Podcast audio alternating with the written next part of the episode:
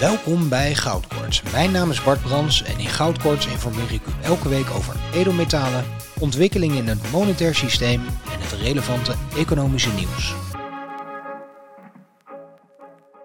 Welkom bij een nieuwe aflevering van Goudkoorts, een initiatief van Gold Republic. Mijn naam is Bart Brans, ik ben de edelmetaalspecialist bij Gold Republic en ik begin even met een aantal mededelingen dit stapeltje wordt steeds kleiner. Ik ga aan het einde van deze aflevering weer drie winnaars aanwijzen. Wil je kans maken op wat er overblijft? Nog mooi boek, pen, wellicht die dubbele kop, gulden. Um, like deze video dan even. En uh, abonneer je natuurlijk op het YouTube-kanaal. Laat hieronder even een comment achter. Ik ga aan het einde van deze aflevering, zoals gezegd, weer drie winnaars aanwijzen. Dus blijf ook even hangen. Wie weet, ben jij het. Goed, volgende mededeling. Mijn interview met Elmar Hogevorst. Ontzettend leuk dat jullie allemaal weer, of in ieder geval veel van jullie, hebben gekeken. Hebben het nog niet gezien. Het was een mooi openhartig gesprek. Dus kijk het gerust even terug. Laatste mededeling. Ja, inmiddels is bekend, wij gaan voor de Future of Finance naar Dubai. De Future of Finance, het evenement in Dubai waar we met experts brainstormen over crypto, beleggen, goud, NFT's en de toekomst van ons geld. En we hebben nu een aantal geweldige giveaways die jij echt niet wilt missen. Wil jij een reis winnen naar Dubai ter waarde van ruim 4000 euro? Dit is jouw exclusieve kans om bij de Future of Finance te zijn met de bekendste financiële experts van Nederland. Maar we hebben ook nog 57 andere prijzen. Dus schrijf je nu in. Wil je kans maken om mee te gaan, dan kan dat via de Future of Finance link in de beschrijving. Niet alleen maak je eventueel kans om mee te gaan naar het prachtige Dubai, je maakt ook kans op een lunch met mij, maar nog een aantal andere mooie prijzen. Dus wil je daar kans op maken, eventueel meegaan naar ja, het prachtige Dubai, klik even op die Future of Finance link hier in de beschrijving en geef jezelf op. Goed, Inhoudelijk begin ik natuurlijk altijd even met de koersen. Het is 6 uur, het is 1 november. De koers van goud ongeveer 53.400 euro de kilo. Zilver ongeveer 640 euro per kilo. En dan begin ik direct maar met het volgende onderwerp en dat is de inflatiecijfers. Ja, die moet ik natuurlijk even de revue laten passeren. En ik begin even met het Europese cijfer. 10,7 procent. Ja, nog nooit zo hoog geweest sinds het, uh, start, de start van de Europese Unie. En ja, natuurlijk een verschrikkelijk hoog cijfer. Toch even kort over het beleid van de ECB dan. De rente is namelijk nu 1,5 procent. Wanneer is het aantrekkelijk om je euro's aan te houden? Nou, wanneer ze meer opleveren dan dat ze kosten. Wat moet er gebeuren om jouw euro op dit moment meer op te laten leveren dan dat die moet kosten? Dan moet de rente omhoog. Hoeveel hoger moet die omhoog? Nou, het verschil tussen 1,5 en 10,7 moet worden overbrugd. Kan dat? Nee, dat kan niet. Want op het moment dat de ECB de moed zou hebben om te zeggen: wij zien dit in, hè, wij zien dat die euro op een uh, route naar nul, uh, zich op een route naar nul bevindt, dan kunnen ze zeggen wij gaan de rente verhogen naar 11%. Dan is het dus weer aantrekkelijk om die eurotjes aan te houden, want dan kan je er volgende week meer verkopen dan vandaag. Maar als ze die rente verhogen naar 11%, ja, dan stort de hele Europese en waarschijnlijk ook zelfs de hele wereldeconomie in elkaar.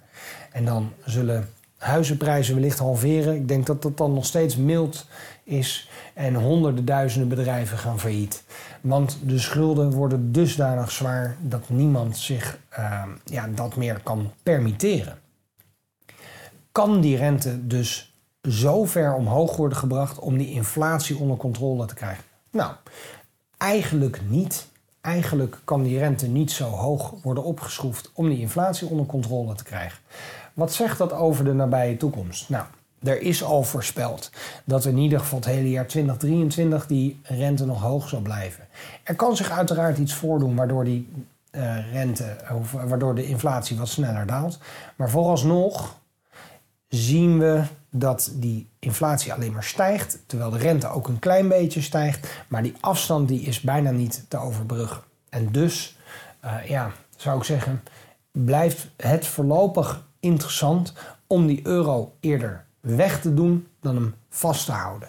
En uiteindelijk kan dat zich dus uiten in wat ik dan noem dat massapsychologische uh, fenomeen, waar hyperinflatie door ontstaat, namelijk het verlies van het vertrouwen in de valuta. Nou, gaan we dan even iets dichter bij huis komen uit op 16,8% inflatie in Nederland. Ja, iets wat uh, in de moderne geschiedenis in Nederland eigenlijk nog nooit is voorgekomen. En ja, een verschrikking. Iets waar we nog jaren, wellicht decennia over zullen spreken. En ook zullen bedenken hoe heeft het in vredesnaam, uh, hoe heeft het zich in vredesnaam kunnen voordoen? 16,8% inflatie. Nou ja, en dan vind ik het volgende onderwerp vind ik wel interessant. Um, het CBS, het Centraal Bureau voor de Statistiek, gaat namelijk de methodiek waarop ze die inflatie meten aanpassen. Waarom? Omdat die inflatie blijkbaar te hoog is. Ja, ik vind dat heel vreemd eigenlijk om te zeggen. Maar die inflatie uh, moet naar beneden. Gaat die niet naar beneden omdat we minder kwijt zijn? Nee, dan uh, gaan we gewoon anders rekenen om te zorgen dat die lager lijkt. Wat is het excuus? Wat is het argument van CBS om dat te doen? Nou, die energieprijzen zijn enorm gestegen, maar nog niet iedereen voelt dat. Nou, er zijn honderden duizenden mensen die dat wel voelen, honderden duizenden ondernemers die dat ook voelen. Maar omdat sommige mensen het nog niet voelen, moeten we die hele methodiek aanpassen. Toch grappig, want ik, ik vind dat dan wel um, eigenlijk eh, interessant om daarbij het volgende te benoemen. We hebben steeds minder vertrouwen in onze autoriteiten. Waarom? Omdat achteraf altijd blijkt dat iets wat werd gezegd dat het zo was, dat het eigenlijk heel anders is. En in plaats van dat je dan zegt, nou, we gaan er gewoon alles aan doen om die inflatie naar beneden te krijgen, gaan we een andere methodiek hanteren om te laten lijken dat die inflatie lager is. En daarom ook mijn, uh, mijn oproep aan jullie. Doe vooral die persoonlijke inflatieberekening. Dus kijk naar die inflatiemeter, die persoonlijke inflatiemeter. En kijk dan, kom jij consistent boven het gemiddelde uit of zit je daar consistent onder of zit je daar ongeveer op. Kijk, als ik die berekening doe, dan kom ik eigenlijk consistent boven het officiële cijfer uit. Als die inflatie door het veranderen van de methodiek dus naar beneden gaat, dan zal de afstand tussen de door mij ervaren inflatie en de gemiddelde of officiële inflatie zal alleen maar groter worden. En ik ben ook heel benieuwd, heel erg benieuwd wat dat bij jullie zou kunnen betekenen. Of dat het misschien nu al dat je persoonlijke inflatie misschien zelfs met die 16,8 nu al hoger is dan, uh, ja, dan, dan het officiële cijfer. John Williams van, uh, van shadowstats.com, die ik heb geïnterviewd, die, uh, nou, die doet datzelfde voor de inflatie in de Verenigde Staten. En in zijn methodiek kom je, eigenlijk tot ongeveer twee keer het officiële inflatiecijfer. Dus die reële inflatie is eigenlijk veel hoger dan de officiële inflatie. Nou, toch interessant om te noemen, denk ik, hier dat die inflatiecijfers zo hoog zijn en het CBS in plaats van te denken van nou, we moeten daar wat aan doen. Uh, we geven de overheid wat tips of de monetaire autoriteit. Nee, we passen de rekenmethodiek aan. Nou ja, goed. Het volgende punt waar ik het over wil hebben. Hey, sorry voor de onderbreking, maar ik wil even iets aankaarten. Wist je dat we bij Gold Republic een spaarplan hebben? Met ons spaarplan beleg je automatisch elke maand in fysiek goud, zilver of platina. En dit kan al vanaf 50 euro. En als jij nu een spaarplan opent, krijg je elke maand 50% korting op jouw transactiekosten. Dus waar wacht je nou nog op? Klik nu op de link voor meer informatie. Dat heeft ook alles te maken met inflatie of het vertrouwen in de valuta. En dat heeft namelijk uh, te maken met het monitoren van bedragen door de overheid. De overheid heeft aangegeven, we, gaan, we willen met een wetsvoorstel willen we alle transacties van 100 euro of meer gaan monitoren. Door algoritme, wellicht door personen erbij. En dan willen we kijken, waar geeft u 100 euro of meer aan uit? Nou ja, 100 euro is nog steeds een hoop euro's. Uh, inmiddels kopen er steeds minder voor. Uh, als je een avondje uit eten gaat met je familie, dan ben je het al snel kwijt. Als je een paar schoenen gaat kopen, dan ben je het ook al snel kwijt. Um, en als je de boodschappen gaat doen, dan ben je het ook al snel kwijt. Maar de overheid zegt, wij willen weten waar je dat aan uitgeeft. Ja, en hoe noemen we dat? Ja, we noemen dat financiële repressie. En nou ja, ik uh, vind het toch wel leuk. Stichting Privacy First die spreekt ook van een bankair sleepnet. En ik vind het toch wel interessant om te noemen, want een aantal jaren geleden hadden we natuurlijk het, de, de sleepwet, waar ik als veiligheidsexpert nog uh, heb gedebatteerd over of we daarvoor of tegen moesten zijn. Ik denk dat u zich wel voor kan voorstellen aan welke kant ik uh, stond. Uh, maar zo'n bankair sleepnet zorgt er dus eigenlijk voor dat alle transacties van meer dan 100 euro worden gemonitord. Dat kan heel goed een voorbode zijn voor een term die eh, we allemaal, een afkorting die we allemaal de laatste maanden heel veel hebben gehoord, namelijk CBDC, Central Bank Digital Currency. Ja, en, en zo'n CBDC is toch wel de opmaat naar een, een ultiem controlesysteem als het gaat om financiën en ook de ultieme vorm van financiële repressie. Want het is programmeerbare valuta. Eh, u mag wel met het vliegtuig, ik, mag het niet, want ik ben al een keer naar Dubai gevlogen. Eh, u mag geen steek, want u heeft er vorige week één gegeten, ik mag hem wel. Allemaal te controleren en te programmeren in je wallet, je digitale wallet. En om die reden is het, en zo bleek ook natuurlijk uit mijn gesprek met, met Abflips, inmiddels bijna 70.000 keer bekeken. Ontzettend bedankt allemaal. En heb je het nog niet gezien, kijk het natuurlijk even terug. Heel belangrijk gesprek geweest. Um, hou cash aan, is ook zijn, zijn oproep eigenlijk. Zorg ervoor dat je briefjes, muntjes, of in huis of ergens op een veilige plek hebt opgeborgen.